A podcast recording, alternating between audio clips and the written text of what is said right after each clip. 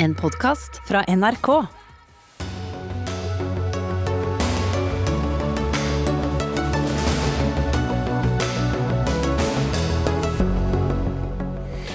Norge skal åpnes, og regjeringen har en plan i etappe både én, to, tre og fire. Men eh, de vil ikke si når, og dette er en kommunikasjon som er umulig å forholde seg til, kritiserer Virke Reiseliv. Det er fortsatt flere fordeler enn ulemper med AstraZeneca-vaksinen, konkluderer det europeiske legemiddeltilsynet. Så hva nå? Høyesteretts enstemmige konklusjon om at Stortinget fortsatt klarer seg med et alminnelig flertall for å knytte Norge nærmere EU, skaper fortsatt debatt. Dette har svekket nei-siden i Norge, konkluderer Aftenpostens politiske redaktør. Og de norske frontkjemperne som kjempet side om side med nazistene, skjønnmales i ny NRK-dokumentar, klager flere historikere. Deres historie må også bli hørt, svarer filmskaperen.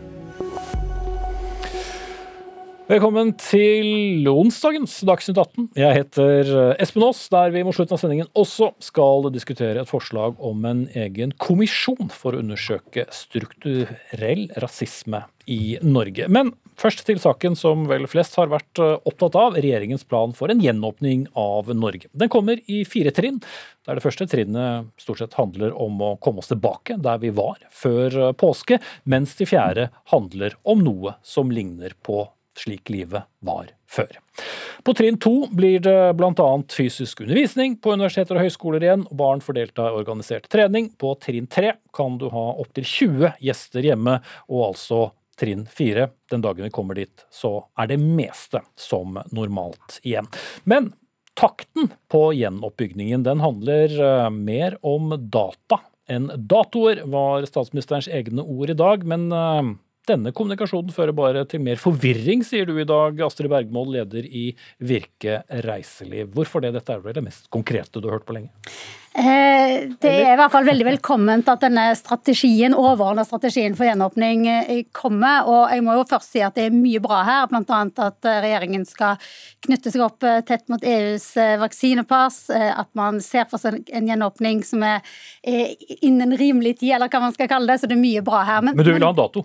Men jeg vil i utgangspunktet ha en dato, og, og gjerne noe så, som er så konkret som mulig å forholde seg til. Det vi så i dag, var jo at eh, man først fikk høre om trinn to som kommer i, eh, i, mai. Så skal det gå eh, kanskje tre kanskje uker. Kanskje i mai, vel. Ja. Kanskje i mai, hvis det går sånn som regjeringen håper. Og så at det går tre uker, og så i juni ser vi kanskje i trinn tre, og da skal man åpne for reisevirksomhet. Mm. Men er det ikke da, bedre å være ærlig og si på at det avhenger av så mange usikkerhetsfaktorer at uh, hvis du sier en dato, så risikerer du å bli enda mer skuffet?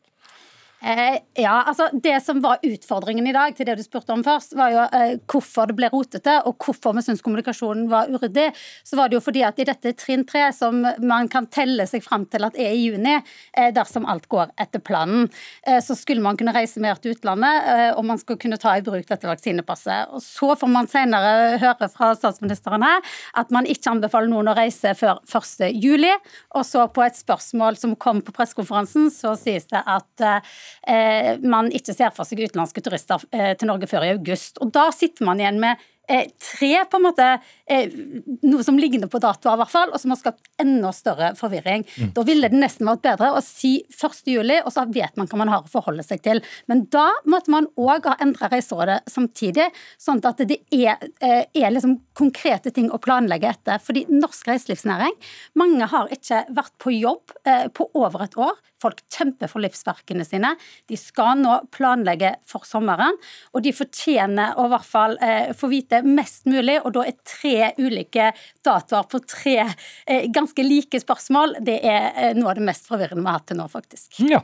Det var ikke noen klarspråk, klarspråkpris til deg, statsminister Erna Solberg. Eh, du har lagt frem denne planen nærmest nonstop siden halv tolv i dag. Men hvorfor kunne du ikke gjort som andre statsministre i andre land har gjort, og, og gitt en dato? Altså Jeg skjønner jo veldig godt at folk vil ha en dato. Eh, jeg tror alle ville gjerne vise oss at nå er ferdig, da er vi ferdig med viruset, da kan vi tilbake til normalen. Problemet er at vi håndterer et virus som liksom ikke lar seg styre av, eh, av statsplanlegging. Det er ingen femårsplaner eller femukersplaner som kommer til å styre dette viruset. Dette er eh, et uforutsigbarhet, og det er uforutsigbart på flere plan. Det er uforutsigbart i forhold til mulige mutasjoner hvordan vi klarer å holde smitten nede, og selvfølgelig er det uforutsigbart hvor mye vaksiner vi får. Men vi er jo snart ferdig med å vaksinere da de mest utsatte gruppene og de eldre, og det er jo de vi først og fremst har vært eh, redde for. Men er vi nå redde for flere? Ja, vi er jo redde for alle. Vi er jo redde fortsatt for at det kan bli barn og ungdommer som dør til høsten av at de blir alvorlig syke. Altså bare, bare ta med, Hvis veldig mange blir smittet, så vil også noen av de ha underliggende sykdommer som vi ikke vet om i dag, kan bli alvorlig syke. Altså Vi ser jo det i andre land. så vi må... Selv men vi har ikke noen nullvisjon? Nei, nei men, men bare sånn, så selv om vi har kommer igjennom veldig mange av, av de som er eh, eh, alvorlig syke eller kan dø og har større sannsynlighet for det. Så vi fortsatt ha utfordringer i helsevesenet vårt ved å følge det, hvis ikke vi har vaksinert mange nok. Og Det er derfor vi har sagt det er tre parametere for dette. Og De tre parametrene er jo da smittespredningen, det er situasjonen i helsevesenet, og da er det både kommunehelsen og eh, spesialisthelsetjenesten, og så er det vaksinasjonsprogrammet. Og når vi kan antyde at vi nå skal først ha førstetrinn, som er eh, smitte, altså de forsterkede tiltakene som vi innførte før påske, at vi nå skal i neste uke se på om vi kan gå førstetrinnet med å ta de ned igjen, så dreier det seg om forhåpentligvis har fått ned smitten. Når vi kommer videre til første, eh, altså til det neste trinnet i det vi anslår kanskje er midten, slutten av, eh, av mai måned, ja da dreier det seg også om at da tror vi at vaksinenivået vil være såpass høyt at det vil være mulig å liberalisere mer. Men full liberalisering blir det ikke. Og så vil jeg si at Det kan høres ut som samme spørsmål knyttet til reisevirksomhet og alt annet, men det som står i gjenåpningen er at i såkalt trinn tre, som vi håper at vi er godt inne i i juni, vi kunne åpne for noe mer utenlandsreising, og vi vil da se på karantene og annet. Men det er fortsatt sånn at eh, vi vurderer det som at juni kan være vanskelig at du generelt kan reise ut av landet, fordi det vil være mange land som har høyt smittetrykk, og hvor det vil være tydelige karanteneregler for å komme inn. Og for de som kommer inn til Norge, så vil det også være, kunne være karanteneregler. Så kommer da det som er et annet tema, men som er spørsmålet har vi da et fungerende europeisk vaksinepass, som i så fall kan brukes. Det er planlagt for at vi kanskje skal være ferdig med til i løpet av juni måned. Og når det gjelder de andre bitene, så er det jo ja, ja, Så kan vi gå gjennom alle disse tingene. Men det er, og dette er litt av utfordringen, for vi får mange konkrete spørsmål om hva vi tror. Eh, men reiselivsnæringen bør altså planlegge for det jeg sa, at de har mest norske turister i første delen av sommer, eh, sommeren. Og, og, og, eh, mot august kanskje kan få utenlandske turister. Men jeg tenker jo, hva i all verden er det fra en statsminister å, å gi til forutsigbarhet for en reiselivsnæring?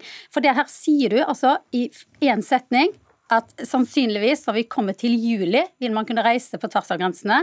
Og det er jo sånn at uh, hvis vi kan reise ut, så kan noen andre reise inn. Så da, hvis vi kan reise ut på ferie, så kan utenlandske turister komme til Nei, oss fra de samme sånn. landene. Da, nå har du misforstått reglene. Karanteneregler gjelder for alle. Eh, men det gjelder forskjell fra de ulike landene, så det avhenger av smittetrykket i de ulike landene.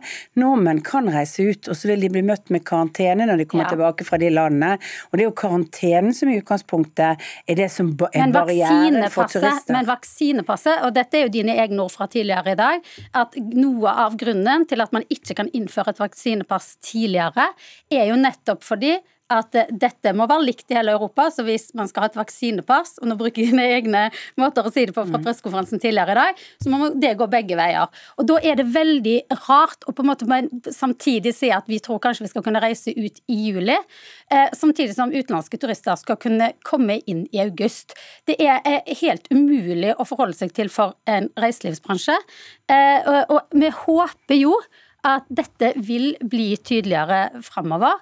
Eh, og vi forventer at fram til den dagen det kan komme utenlandske turister til dette landet, så vil man få betydelige hjelpepakker. Fordi den bratte bakken, som du har snakka om mange ganger, den er vi fortsatt ganske langt nedi, og den blir brattere og brattere og brattere. Og hvis det skal være noen virksomheter igjen å åpne og gjenåpne når man kommer så langt, så, så må de få mer og betydelig hjelp. Og så er det én ting til som er viktig å huske på. Ja, hvis du vil ha svar på alle ting Jeg er jo glad for at Virke har vært delaktig i mange av de pakkene og de løsningene vi har gjort. og vi har, jeg synes vi har et godt samarbeid med Virke på nettopp å finne de løsningene. Så er det sånn at det er virus og utviklingen av det som kommer til å avgjøre hvor mye vi kan åpne for etter hvert. Og så er spørsmålet om vi har et felles vaksinepass. Det er altså noe som skal gjennomføres i alle europeiske land. Det skal i så fall, og det det man jobber i Europa med, er mot en dato kanskje hvor man klarer å få det til i juni måned. Jeg ville synes at eh, mine råd er vel så forutsigbare som noen av de andre rådene som er gitt i forhold til dette. Så skjønner jeg dette intendige ønsket, og jeg skjønner det. Jeg snakker med massevis av bedrifter innenfor reiselivsnæringen, innenfor eh, alle deler av turistnæringene, som har et intenst behov for og ønske om å, å kunne åpne så raskt som mulig. Men jeg tror fortsatt at det å satse mest på norske turister vil være hovedtyngden både i juni og i juli. Og i fjor var det ganske fullt i Norge i juli, når nordmenn ferierte okay, i Norge. Jeg er nødt til å svare på det. fordi det er sånn at En vanlig eh, sommersesong for reiselivsnæringen er fra mai til september. I fjor hadde vi en juli eh, måned. Så det er, eh, det er ikke sånn at vi kan lene oss på norske turister. Så vil jeg bare avslutte før jeg går med å si det som blir viktig nå framover. For vi kan diskutere fram og tilbake om det var tydelig nok eller ikke i dag. Jeg syns ikke det. Men framover så er det noen ting som blir utrolig viktig. Det ene er at man får gjenåpningsplaner på bransjenivå, som vi i bransjen kan jobbe sammen med departementene og statsrådene om, sånn at vi legger til rette på, for at man kan få en gjenåpning som er trygg og god. Det er jeg helt sikker på at vi skal klare å få til sammen. Det andre som er kjempeviktig, er at regjeringen nå eh, gjør om landvurderinger til regionvurderinger. Eh, det er det ingenting, ifølge Helsedepartementet og uten vi har hatt kontakt med dem, som, eh, som, tilsier at man ikke skal kunne gjøre. Fordi at eh, det er rett og slett bare ikke blitt prioritert. Det må på plass. Det reduserer risikoen for, for ytterligere tap, ytterligere avlysninger. Det må komme på plass. Og helt til slutt så må man altså få på plass eh, forlenga tiltak, f.eks. For forlenga lønnsstøtte, forlenga kompensasjonsordning, og så må man få gjort noe med den permitteringsregningen. Det var en lang oppfordring, og med det skal jeg vise deg eh, døren, Astrid Bergmål. Uh, så skal du slippe å si at du kommer tilbake til disse tingene, Erna Solberg. Så kommer Arbeiderpartileder Jonas Gahr Støre inn.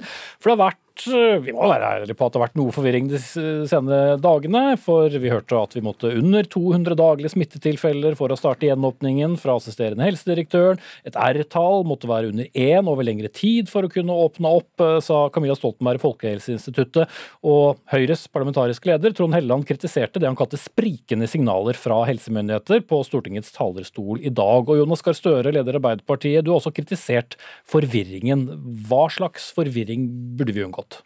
Først vil jeg anerkjenne de folkehelsemyndighetsfolkene som står hver dag og forklarer eh, disse sakene. Eh, de fortjener ros for det, og de er tilgjengelige, og de er ikke alltid skråsikre, og det er bra. Eh, så har jeg støttet det statsministeren har gjort i dag med å si at vi kan ikke sette en dato. fordi at Hovedaktøren vi kjemper mot nå, er et virus som ikke lar seg målbinde og kan overraske oss. Men du har også snakket om forvirring? Jo, men så har jeg da sagt at når det er slik, og vi må stå trygt på ett trinn før vi tar det til, så blir folk forvirret når de da får høre fra disse myndighetene 200 der, R-tall der, for da begynner vi å regne sammen. Når er det? Eh, og, og det oppfordrer jeg bare til. Og jeg, jeg vil jo si til Trond Helleland, da, som representerer regjeringspartiene, at eh, han kan ikke peke på de folkehelsemyndighetene. Regjeringen er ansvarlig. De må sikre at budskapet er, er enhetlig. Da tror jeg det blir mindre forvirring enn, det kan bli i en sånn sak. Mm. Og dere har vel for så vidt sett bort fra både R-tallet og, og de 200 i dag? Eh, jeg har jo fordelen av at jeg nå har lest alle disse egentlige oppslagene som er gjort, og som er blitt forkortet i overskrifter, og sett at alle de som har uttalt seg, har snakket om med store forbehold om at det er flere ting man må se i sammenheng. Og fasiten er lagt på bordet i vår gjenåpningsstrategi, som er altså at det er tre viktige temaer som må være der. Det er uh, utviklingen i smitte, det er utviklingen i kapasiteten og uh, belegget både i spesialisthelsetjenesten, men også presset på helsetjenesten i kommunene. Og så er det selvfølgelig vaksinasjonsprogrammet. Og det er vel ja, disse dataene. Det er disse tre, dataene. Ja, altså dataene som er det. Og så har man snakket om ulike deler av disse dataene i ulike intervjuer før det. og så så blir det veldig spisset, og så blir det veldig, veldig stort. Jo, men spisset og spisset, Det er jo folk som har svart på spørsmål i over et år. De vet vel hva de gjør jo, når de kommer med 200 eller et R-tall på igjen. Så tenker jeg at uh, det er en fin ting vi har gjort i Norge. Eh, og jeg skal innrømme at det har hendt innimellom at jeg har tenkt at dette blir uklar kommunikasjon, men vi har hatt åpenhet. Vi har latt alle fagfolkene, før vi har eh, blitt gjort beslutninger i regjeringen, gå i Dagsnytt 18 og svare på alle folks spørsmål, alle journalisters spørsmål.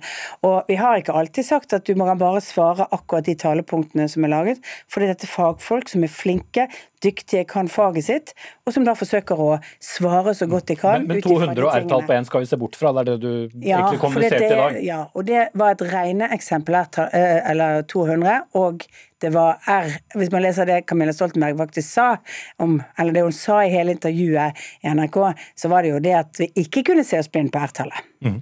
Bjørn eh, Gullvåg, eh, helsedirektør med oss på, på, linje. Er du også enig i det, at vi burde latt være å snakke om uh, 200 daglige smittetilfeller før det var trygt å starte med gjenåpning? Ja, Vi ser jo at uh, dette er litt det er, det er tatt eh, på en litt annen måte enn det det var ment. Det var ment som illustrasjoner eh, for å forklare eh, situasjonen. Men det er helt riktig som statsministeren sier, vi må vurdere flere ting i sammenheng. Og så har vi sett på hva som må være innfridd for at det skal være helt trygt når det gjelder smittesituasjonen. Og så har vi sett på når det er litt større risiko. Og Tilsvarende når det gjelder vaksinering og når det gjelder dette med kapasitet i helsetjenesten. Og Så forsøker vi å sette sammen dette i et helhetlig bilde. Mm. Så under 200 og et R-tall på én alene er ikke nok til å lette tiltakene? Nei, det er ikke nok. Og så vil jo dette endre seg utover uh, i løpet av de neste månedene. sånn at uh, dette er også glidende uh, størrelser. Mm. Men eh, dette med vaksinering er jo det vi har ventet på, og den er i gang. Vi har en én million vaksinerte nordmenn. Det kommer uh, flere En million doser, doser, unnskyld, doser. som er satt på og noen har fått to, to, som er. Noen har fått to ganger, og noen gang har fått én, bare for å spesifisere det. Eh, men det betyr jo også at store deler av den befolkningen som vi har vært reddest for, skulle få covid-19 og kunne dø av det, nå er vaksinert, får ikke sykdommen, og trolig heller ikke smitter i noen stor grad. Men er ikke det alene et data, eller et tall, eh, som kan gi oss en indikasjon på at det vil ikke bli så sprengt på eh, sykehusene, fordi antall veldig syke unge er jo forsvinnende lav. Ja, men det er flere av de. Og det er flere av de som ligger på sykehuset som er ganske unge, vil iallfall jeg si, eh, som har fylt 60. Så jeg eh, tenker at eh, når folk er i 40-årene og ligger alvorlig syk i respirator, så er det et alvorstegn. Og det er fortsatt et stund igjen før vi er kommet der. Men det er jo nettopp det som er en viktig indikator for åpningen videre. At vi har Vi får nå ca. 150 000 doser hver uke eh, i april måned. Forhåpentligvis enda flere på slutten av eh, måneden. Eh, det betyr at vi øker antallet vaksinerte. Det betyr at det vil bli, vi vil komme gjennom de som er med underliggende sykdommer og de eldste gruppene.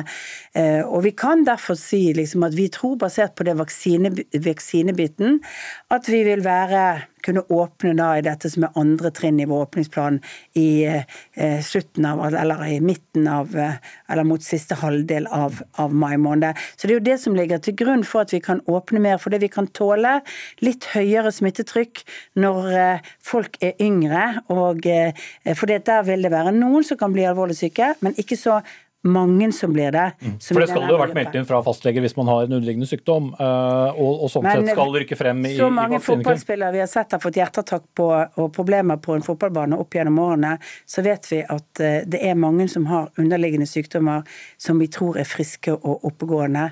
Det er dessverre noe av det vi har sett i idretten. Mm. Men det høres jo litt ut som det er et sånt eh, at vi flytter målstengene litt nå. Er det da pga. utenlandsk smitte?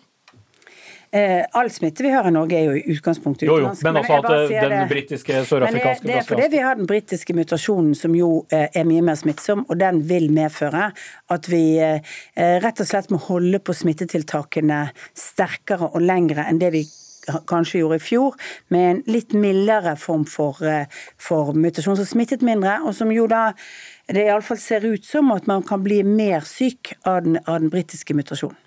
Mm.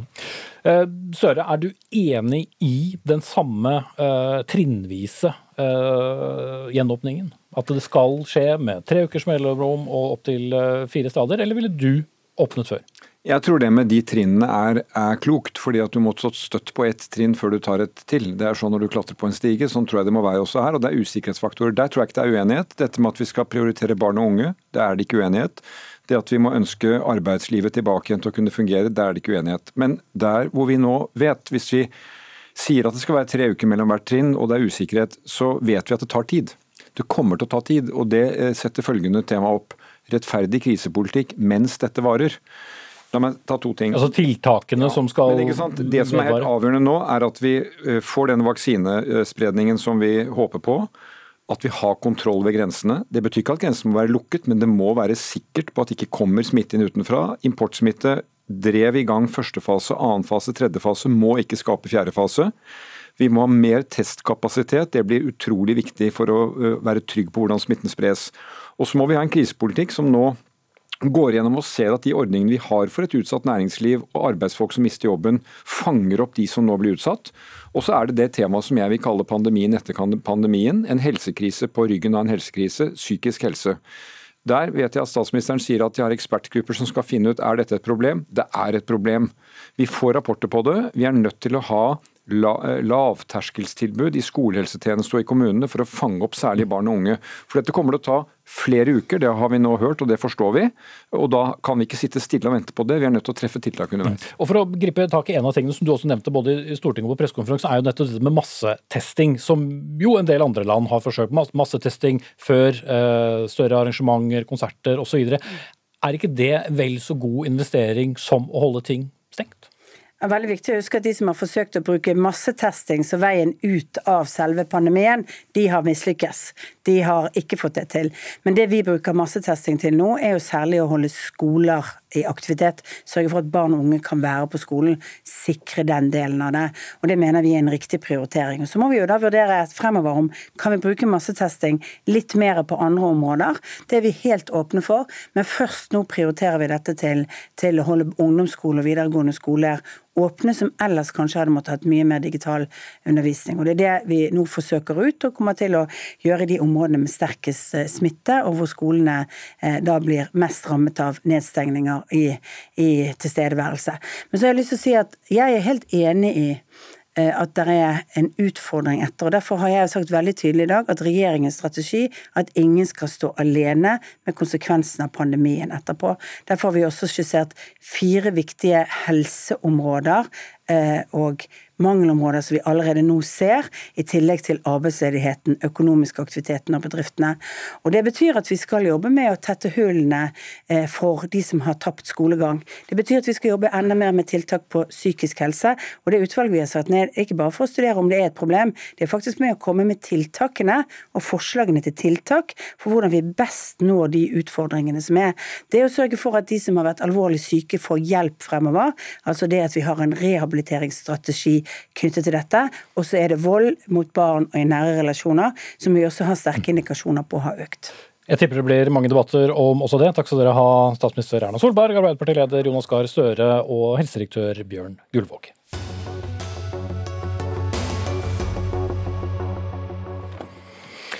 Det kom også nyheter, eller kanskje ikke det var så store nyheter. Det spørs kanskje på øynene som eh, ser når det gjelder den mye omtalte AstraZeneca-vaksinen.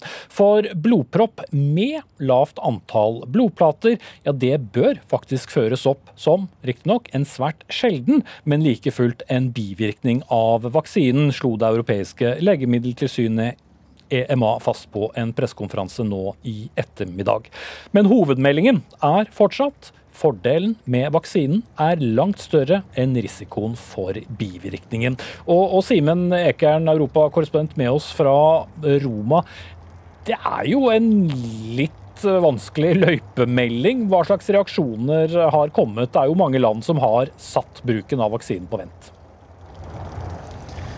Ja, det er helt åpenbart en vanskelig løypemelding, og derfor så legger jo EMA også mye av ansvaret for hvilke praktiske konsekvenser dette skal få, over på nasjonale helsemyndigheter. Akkurat nå sitter europeiske eh, helseministre i møte. Vi kan kanskje vente oss eh, noen eh, mulige konsekvenser av, av det møtet, men det vi har sett, paradoksalt nok, er jo at de konkrete tiltakene som har kommet, ikke strengt tatt følger de eh, retningslinjene som EMA har gitt i dag. Storbritannia eh, vil ikke lenger eh, vil gjøre det mulig for dem under 30 å ikke ta den vaksinen, få en annen vaksine. Antageligvis kommer myndighetene her i Italia til å følge den samme kursen i dag og, bare sette vaksinen til dem over 55 eller 60 år. Selv om EMA altså på pressekonferansen i dag ikke ville si noen ting om alder eller kjønn eh, når, de snakket om spesielt utsatte eh, risikogrupper. Så det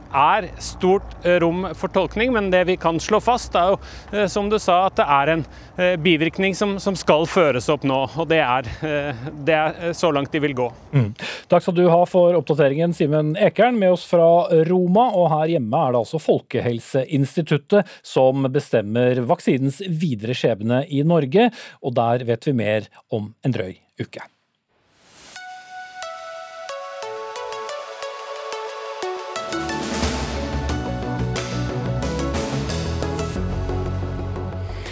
Selv om, eller burde jeg si kanskje på tross av, at Norge stadig aldri har blitt EU-medlem, så debatteres det heftig om hvor mye myndighet som skal og kan flyttes fra Norge og nettopp til EU og tilhørende organer. Såpass heftig at selveste Høyesterett nylig måtte ta stilling til om et alminnelig flertall på Stortinget, altså over halvparten av de folkevalgte, er nok til å knytte Norge til EUs fjerde jernbanepakke. Og det er det, sa en enstemmig høyesterett. Her er det mange detaljer, ikke minst eh, en del juridiske. Vi skal komme tilbake til noen av dem. Men hvis vi starter litt overordnet eh, med selve saken. Politisk redaktør i Aftenposten Kjetil B. Alstheim, i en kommentar i dag så skrev du at hele saken i Høyesterett var en felle lagt av EØS-motstanderne, men de falt i den selv. Hvordan, mm. hvordan henger dette sammen? Dette har jo vært en, en, diskusjon gjennom i flere runder i flere forskjellige saker om hvordan Norge kan avgi eh, myndighet eh, tilknyttet EØS-avtalen. Og der eh, da De som er imot EØS-avtalen, Senterpartiet, SV, Nei til EU, har, har sagt at dette har vært i strid med, med Grunnloven. Det å, å bare vedta den type myndighetsoverføring med med alminnelig flertall, altså uh, simpelt flertall som heter, at man ha, skulle stilt krav om, om kvalifisert flertall. Mm. Uh, som man bl.a. må gjøre for å endre Grunnloven. Ja. Uh, og, og, dette har jo vært en, Det er jo en ganske alvorlig ting i så fall, hvis, hvis dette har skjedd på, i strid med Grunnloven. Så, så da, da, et flertall på Stortinget i høst vedtok å be Høyesterett om en betenkning, og det er helt eksepsjonelt, det er ikke skjedd siden 1945, så eh, tok jo nei-siden det som en, en, eh, stor og viktig delseier, som Nei til EU sa den gang. Og så kommer da en enstemmig høyesterett og sier at eh, nei, dette er helt i orden. Hvis de hadde sagt at dette var problematisk, så ville vi ha fått en, en diskusjon ikke bare om denne fjerde jernbanepakke, men om, om flere tidligere vedtak, og kunne fått en, hel, en diskusjon om hele EØS-samarbeidet og en ny EU-debatt. Mm.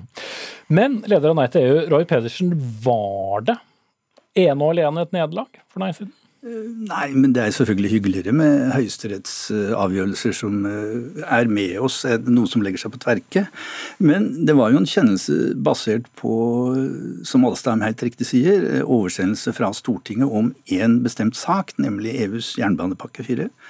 Og eh, vi veit at eh, Høyesteretts eh, vedtak eller kjennelse eller betenkning, som det vel heter, er sånn at man sier Stortingets praksis, den har dere hatt i en periode, og vi aksepterer at dere fortsetter med samme praksis.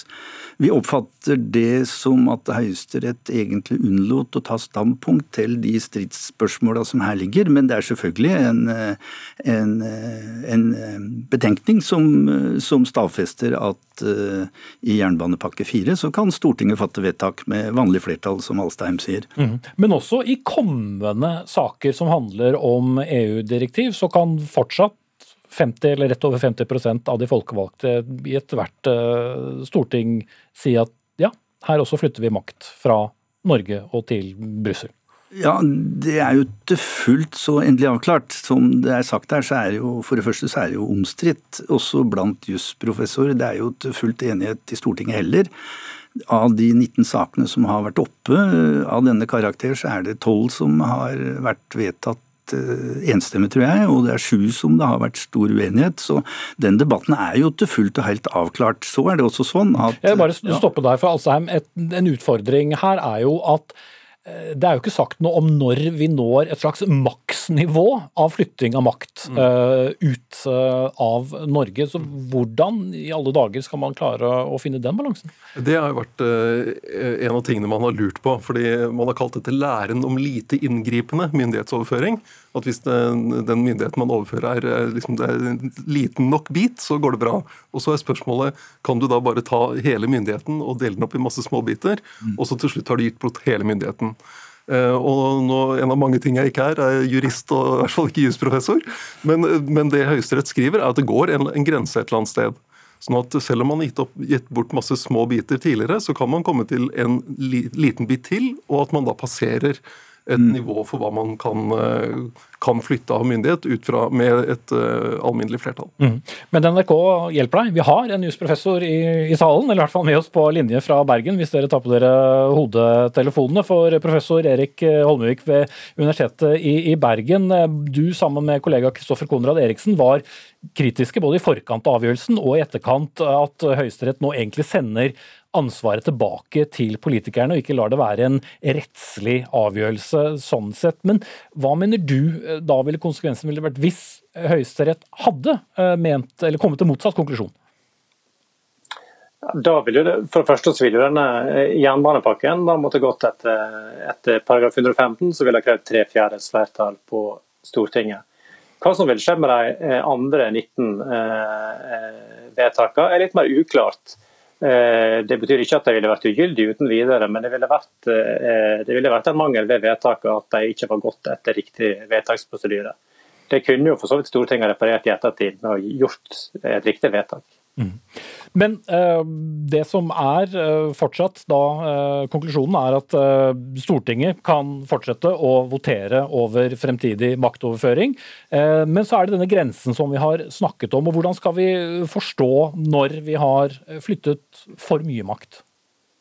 Ja, det er jo det som er med, med høyesterettsutgreiing nå. altså For det første, Den avklarer saka. Det er ikke sånn som EU sier at det nå er omstridt og det er mulig. å å argumentere med dette igjen. Eh, den er av, altså Høyesterett eh, har endelig avklart eh, dette spørsmålet, slik at alle framtidige saker kan Stortinget nå kjøre gjennom med vanlig flertall, uavhengig av hvor omfattende denne myndighetsoverføringa er.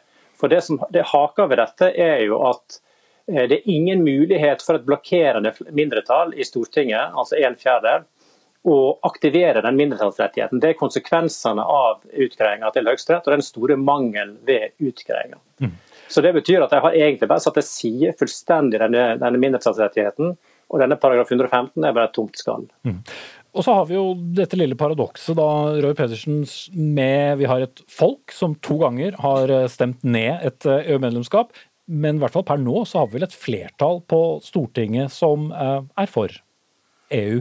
Frykter du at eh, en konsekvens av høyesterettsavgjørelsen vil nå bli en enda tettere tilknytning til EU, eh, e eller har hver side i politikken likevel eh, såpass vanskelige samarbeidspartnere at det ikke vil være aktuelt? Ja, nå er det jo litt viktig å være klar over her at uh, vi snakker om en, en, betenkning som er sendt fra Høyesterett. Den politiske kampen rundt alle disse her EU-direktivene som kommer, er jo avklart med det her. Eksempel er det også sånn at uh, EUs jernbanepakke 4 skal behandles i Stortinget. og Det går an selvfølgelig å tippe om utfallet, men det kommer sikkert flere direktiv som både vi og fagbevegelsen og andre er opptatt av, som, som fort kan få politisk flertall i Stortinget, helt uavhengig av jussen rundt det vi nå diskuterer. Så hvor, hvorvidt vi havner nærmere EU eller ikke, vil selvfølgelig være avhengig av nettopp den politiske kampen og støtten til, til styrken til nei-alliansen, styrken nei til EU, og de, og de konkrete bevegelsen vi klarer å skape rundt mange av de viktige sakene som, som dukker opp, og som har dukka opp, og som vil fortsette å komme. Så, så verken EU eller EØS-kampen er over med det som nå er kjennelsen fra Du har ikke tenkt å legge ned, nei? Jeg trodde kanskje ikke det. Men, men Holmøyvik, grunnloven oppi det hele, som da krever et helt annet flertall enn da en, til, en nærmere tilknytning av Norge til EU, er da den svekket? Altså, det som du kan si er svekka eh, med Grunnloven, er at en her egentlig har endra fullstendig innholdet i en paragraf i Grunnloven som er helt klar. Den krever tre fjerdedels flertall for denne typen vedtak. Og så har en da egentlig bare satt den til side gjennom tolking. Eh, og Det kritikkverdige med det er at Stortinget her ikke gjort jobben sin og eh, justert denne paragrafen i takt med utviklinga i Norges forhold til EU, som har i stadig større grad satt denne paragrafen på prøve. fordi Problemet her er at denne paragrafen stenger for overføring av myndighet til EU-organ. Og Slik samarbeidet med EU har utvikla seg, så blir det stadig større krav til at vi overfører myndighet til EU-organ, slike EU-forvaltningsbyrå som f.eks. dette jernbanebyrået, eh, for at vi skal kunne fortsette å delta i dette forvaltningssamarbeidet med EU, som det er bredt flertall for. og Det er ikke noe illegitimt å knytte seg eh, til det. Mm. Var var din konklusjon i din kommentar Alstheim, Alstaheim, at det, det, enkleste ville jo bare vært å melde Norge inn, inn, i EU. Men hvis du skal Det har ikke vist seg å være så enkelt. Nei, det er ikke så enkelt å få til, som vi vet. Og, og, og det kommer vel neppe til å skje kanskje i vår levetid. Men hvordan blir da den politiske debatten? Fordi på begge sider av det politiske skillet så er det jo EU-skepsis.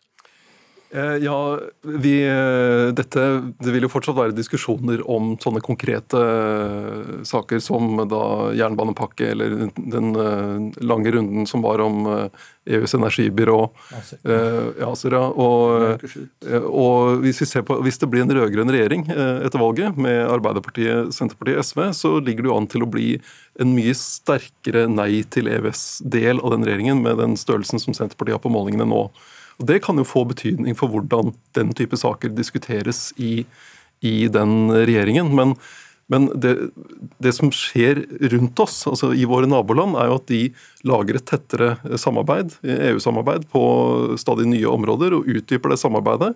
Eh, og Norge er tett koblet til EU, eh, på, både geografisk og gjennom EØS-avtalen. Eh, e og Da blir det jo et valg om, om vi skal fortsette å utdype det samarbeidet, vi også.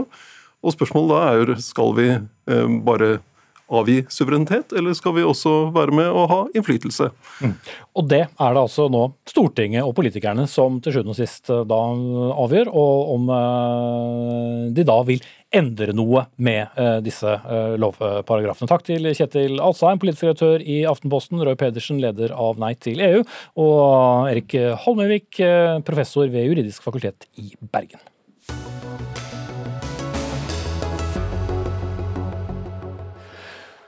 Litt uh, senere i sendingen skal vi diskutere et uh, forslag om en kommisjon for å finne ut om det er rasistiske strukturer som undertrykker minoriteter i Norge. Men nå skal vi til en uh, om en dokumentarserie her på NRK. En serie om frontkjemperne, altså nordmenn som kjempet side om side med tyskerne under andre verdenskrig.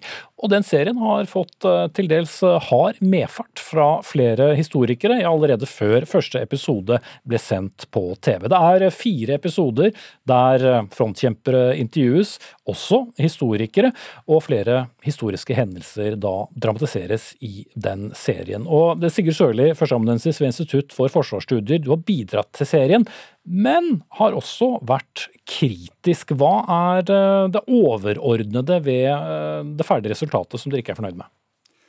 Eh, For det første så mener jeg at den mangler en rød tråd. Er rotete, er svakt redigert. eh, Og det gjør at egentlig så kan jeg ikke se at noen av de eh, si, overordnede spørsmålene som stilles, eh, besvares eller belyses på en ordentlig måte i filmen. Eh, Men det andre, og det er mer problematisk, det er at jeg mener at den ender opp med, og jeg mener ikke at det er intensjonen, men jeg mener at den ender opp med å formidle en del av si, SS-veteranenes mytologi fra etterkrigstiden. Eh, Hvordan da? Ja, For det første så mener jeg at eh, den eh, tegner et bilde av si, unge, naive eh, nordmenn som vervet seg dels av eventyrlyst og dels av eh, et ønske om å kjempe mot kommunismen eh, for å bistå det finske broderfolket og for å kjempe for et fritt Norge. Mens det faktum at de aller aller fleste av dem var medlem av NS og åpenbart sluttet opp om partiets nazistiske ideologi, det kommer ikke tydelig frem som, eh, som eh, si, en, en grunnleggende eh, og, og nødvendig forutsetning for at de vervet seg. Da. De aller fleste. Selvsagt var det mer komplisert, men det er et, eh, et vesentlig element som ikke kommer tydelig fram. Men som bidragsyter og en av eh, flere, hva, hva mener du da har skjedd med bidragene dine? Nei, altså, jeg, jeg mener jo at uh, for, for, Jeg stiller jo ikke spørsmålene. Jeg jeg bestemmer ikke hvilke spørsmål jeg skal få.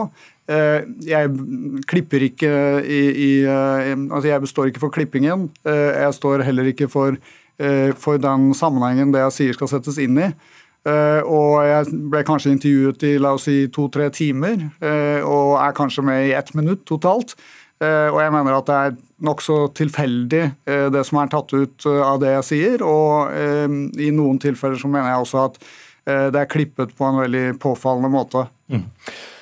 Filmskaper Alexander Kristiansen med oss på linje. Det er du som står bak denne serien, som du begynte på for elleve år siden. Og når faghistorikere som har bidratt til serien, ender opp med å være såpass misfornøyd, hva sier du? Nei, eh, jeg visste jo at denne serien kom til å bli kontroversiell. Det visste jeg jo helt fra, fra starten av. Så det at eh, serien har skapt debatt, det syns jeg jo er, er veldig positivt. Men, men hvordan visste du det? Fordi temaet i seg selv er ja. kontroversielt, eller hvordan du har valgt å fremstille det? Nei, eh, litt begge deler. Altså Temaet i seg selv er jo veldig eh, kontroversielt. Og dette med å, eh, å ha frontkjemper eller NS-folk i, i f.eks. familien eller noe sånt som det, er jo, er jo forbundet med tabu og skam. Så, så sånne det Temaet i seg selv er, er, er ja, tabubelagt. Eh, Men òg det sterke mener jeg rundt dette her. eh, Det er mange, det er syv historier som er med i denne dokumentaren. Og, og det sterke meninger. jeg. Jeg, registrerer jo det at eh, at Terje Embland går ut i, i Dagsrevyen og sier at hvis det var denne historien de ville fortelle, så ville han ikke vært med. Og Da indikerer han jo at eh, det er hans historie som er den gjeldende, og ingen, andre, uh, ingen andres historie er korrekt. Så, Eh, Eller som, eh, som da Sørli peker på her, at det var veldig lite som, som ble tatt med, og bare da uh, en del, og ikke de motforestillingene som han hadde. Nei, altså, det er jo i Serien er jo på fire episoder, og der vever vi jo syv forskjellige historikere gjennom hele serien, som brukes i veldig utstrakt grad.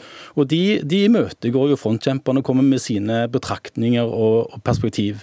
Og det er jo ikke sånn at eh, alle historikere er, er kritiske i denne serien. Det blir veldig sånn feil å fremstille. fordi De som har forska på denne serien, det er eh, fortrinnsvis Nei, ikke på serien, men på frontkjempere. Det er jo fortrinnsvis eh, Emberland og Sørli. Og, og de to har jo stilt seg bak et sånn eh, felles eh, kronikk osv. Men så finnes det tre andre historikere som òg har forska veldig mye på frontkjemperne. Og de har ikke stilt seg bak dette oppropet. Og en av de er jo Knut, Knut Follovik Thoresen, som har skrevet en kronikk eh, på NRK Ytring. Ja, Og han det, har vært skrevet mange ytringer. Jeg tror det også Ja. kommer flere. Men hvis vi holder oss til de som er med i studio her, så er det litt enklere for eh, både seere og lyttere også. Sørli, hva hadde løst det for din del? For å skape et annet etterlatt inntrykk enn det du åpenbart mener kommer av de Nei, altså Vi sendte jo en eh, På et tidlig tidspunkt så sendte vi en lang eh, og grundig tilbakemelding på et eh, relativt tidlig manuskript, som, hvor vi så at dette var på vei i helt gal retning. Og da oppfatter jeg det som om dette mm, gjorde inntrykk, og at vi ville få en annen serie enn den som var planlagt. Og Så gikk det kanskje to år, og så fikk vi, eh, fikk vi de ferdige filmene. Eller det som var, var foreløpig ferdig film, og det var eh, et eh, Det var eh, om mulig enda verre enn det som er nå. Uh, uh, og vi sendte en mange siders tilbakemelding, detaljert tilbakemelding. Jeg brukte masse tid på det. Og vi opplevde òg med kopi etter hvert til NRK, de ansvarlige NRK. Jeg opplevde for så vidt at det ble tatt på alvor. Vi stilte i grunnen et Så dere har blitt hørt til en viss grad?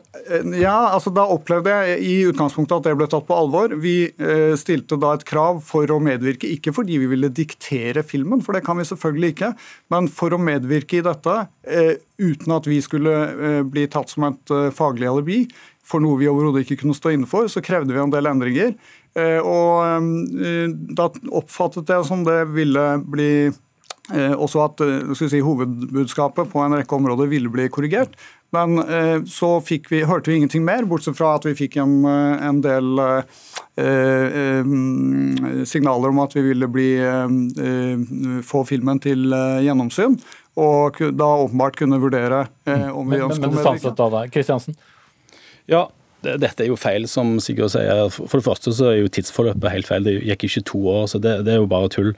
Men uh, han kommer òg inn på dette. Han har sagt det flere ganger før, at uh, de vil ikke diktere innholdet. Men klart at når de da, uh, når Sørli og den gruppen som han, han er med i, kommer med krav til endringer, at hvis dere ikke endrer dette, så vil vi ikke være med, det er jo ganske spesielt. Altså Hvis du stiller opp til et intervju, så sier du at jeg vil ikke være med i intervjuet hvis du intervjuer en annen person eller skriver dette her. Så, så det, det syns jeg er veldig spesielt, å blande seg sånn opp i de redaksjonelle avgjørelsene. Men klart at disse historikerne kom med veldig mange gode innspill, og vi endra veldig mye basert på, på, det de sa. Men på, på noen punkter så, så var, det, var, det, problematisk å la seg diktere. Og det som vi gjorde da, var at da tok vi inn flere historikere som belyste den samme problemstillingen fra forskjellige sider.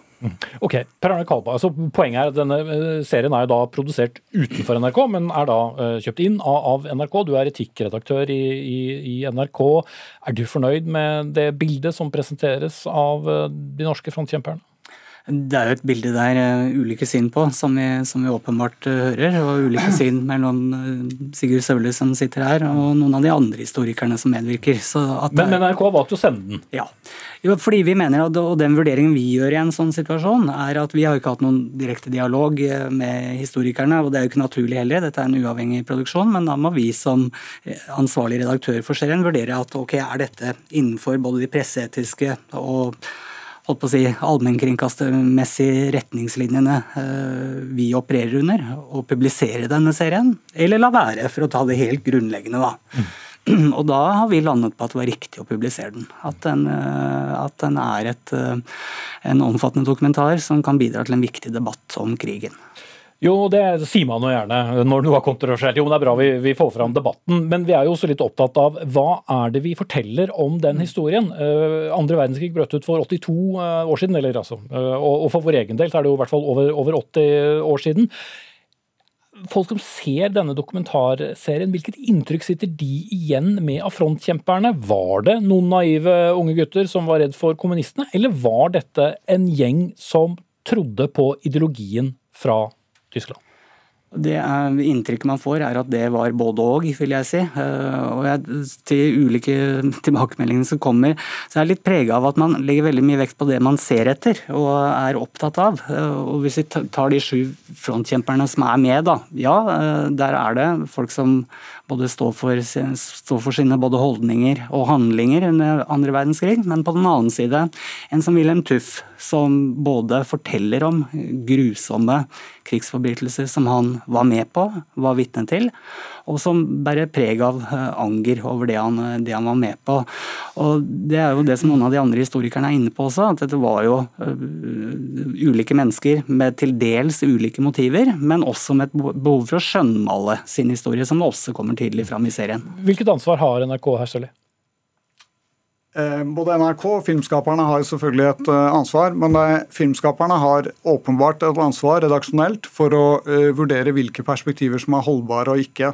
Altså Noen historiske tolkninger er velfunderte, noen er ufunderte. Her forfektes det en rekke teser og perspektiver som ikke er i samsvar med forskningsstatus i det hele tatt. Det kunne de ha funnet ut, og vi har forsøkt å fortelle dem det. Men de har ikke villet lytte. og Du kan alltid finne selvfølgelig fagpersoner som har eh, kontrære perspektiver, men de holder ikke. og Jeg ser ikke heller at, at vi er vesentlig uenige. Jeg har diskutert dette med Flovik Thoresen, som ble nevnt. Eh, han er ikke uenig med meg. Eh, jeg kan heller ikke se noen andre faghistorikere eller noen forskning som eh, dokumenterer som har tolkninger av den typen som, som Kristiansen mener er holdbare. Og serien går iallfall som uh, den ble klippet, men, uh, men, debatten uh, fortsetter. Jeg sier takk til dere tre. Alexander Kristiansen, regissør og serieskaper. Sigurd Sørli, førsteamanuensis ved Institutt for forsvarsstudier og etikkredaktør i NRK, Per Arne Kalbakk.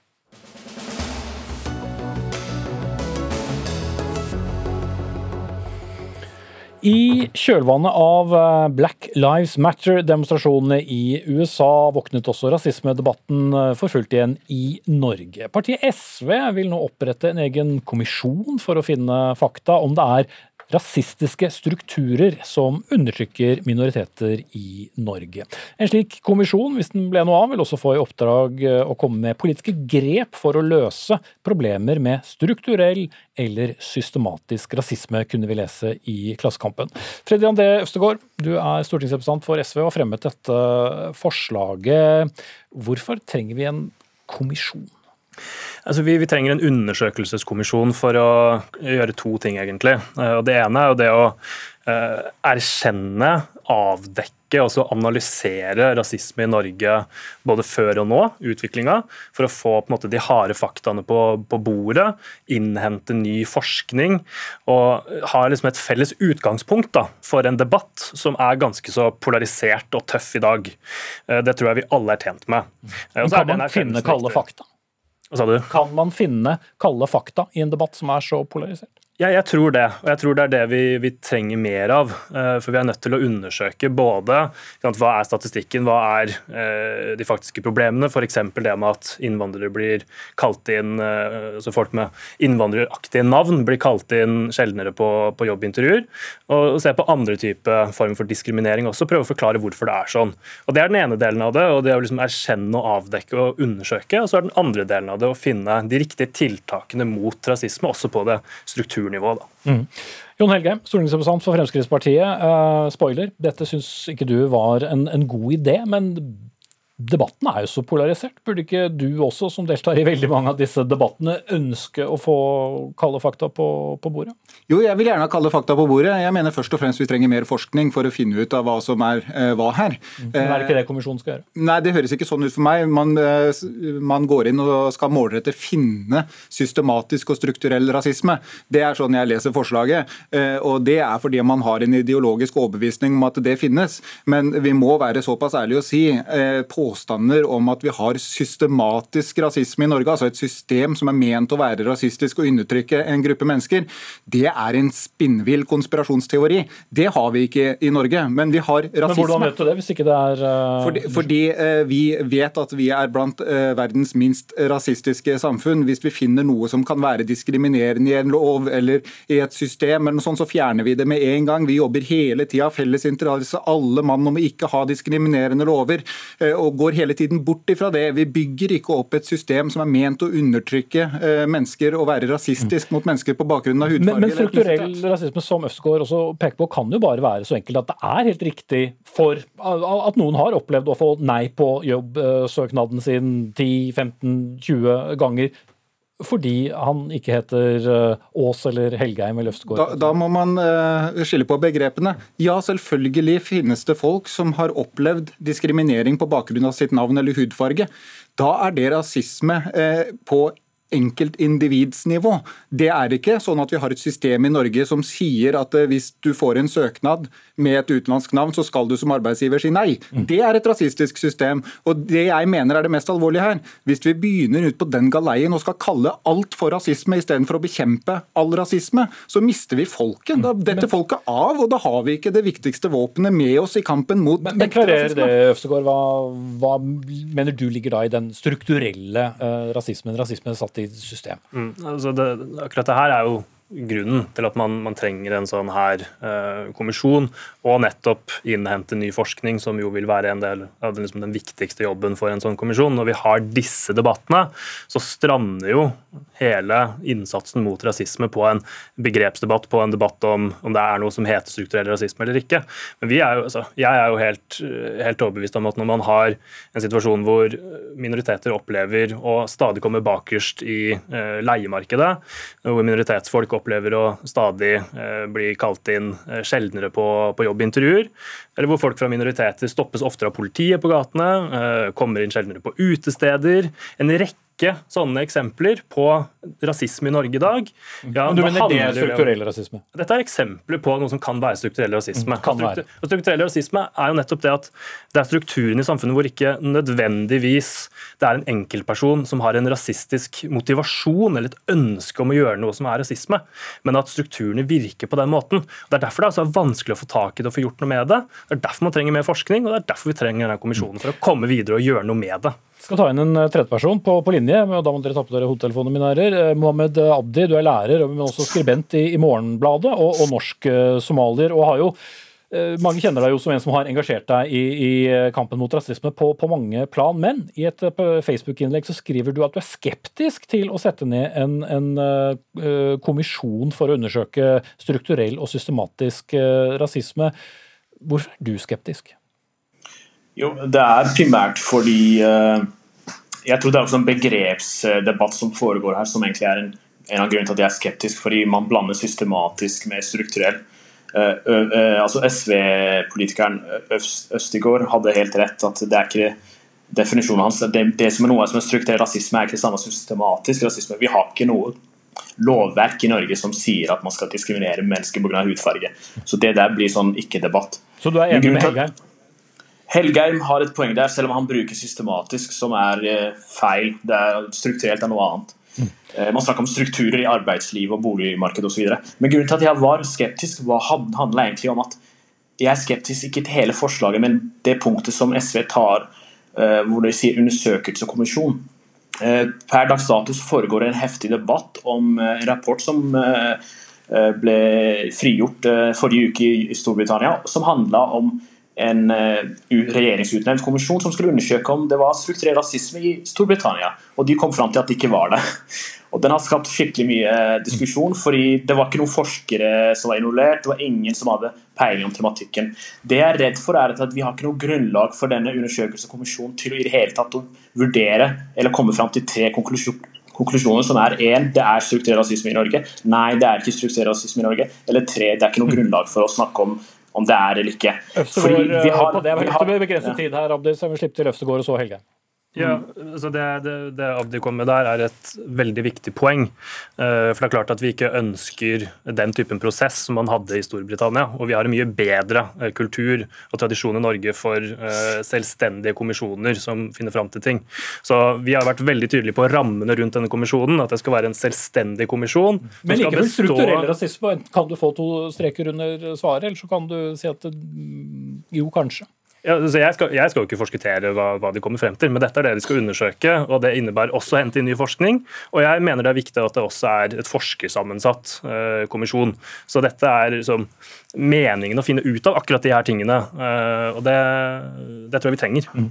Men, men, det virker som egentlig dere alle tre er opptatt av at det er ikke dumt med uh, mer, mer, forskning, men, men, dette med den strukturelle rasismen sliter i hvert fall du og da Abdi med, Helgeim. Ja, kunnskap og forskning er veldig bra.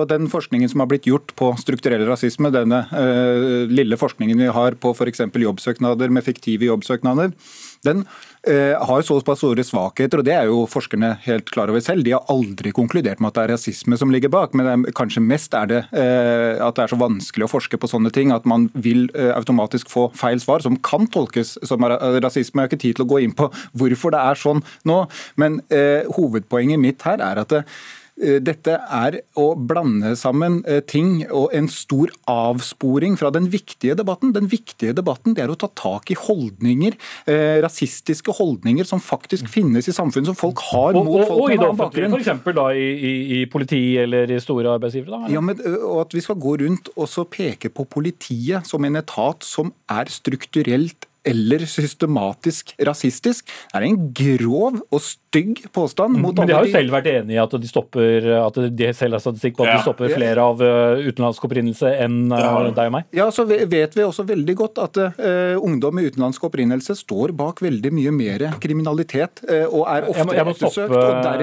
dermed kanskje blir det stoppet Fordi jeg ikke ville høre argumentet eller svaret til Øvstegård, men ble så engasjert i den debatten, så glemte du helt å se på klokken. For vi er ved veis ende. Freddy André Øvstegård stortingsrepresentant fra SV, Jon Helgheim, stortingsrepresentant fra Fremskrittspartiet, og Mohammed Abdi, lærer og skribent i Morgenbladet. Ansvarlig for sendingen, Ane Katrine Førli. Hanne Lunås tok seg av det tekniske. Jeg heter Espen Aas. Vi er tilbake inn i morgen.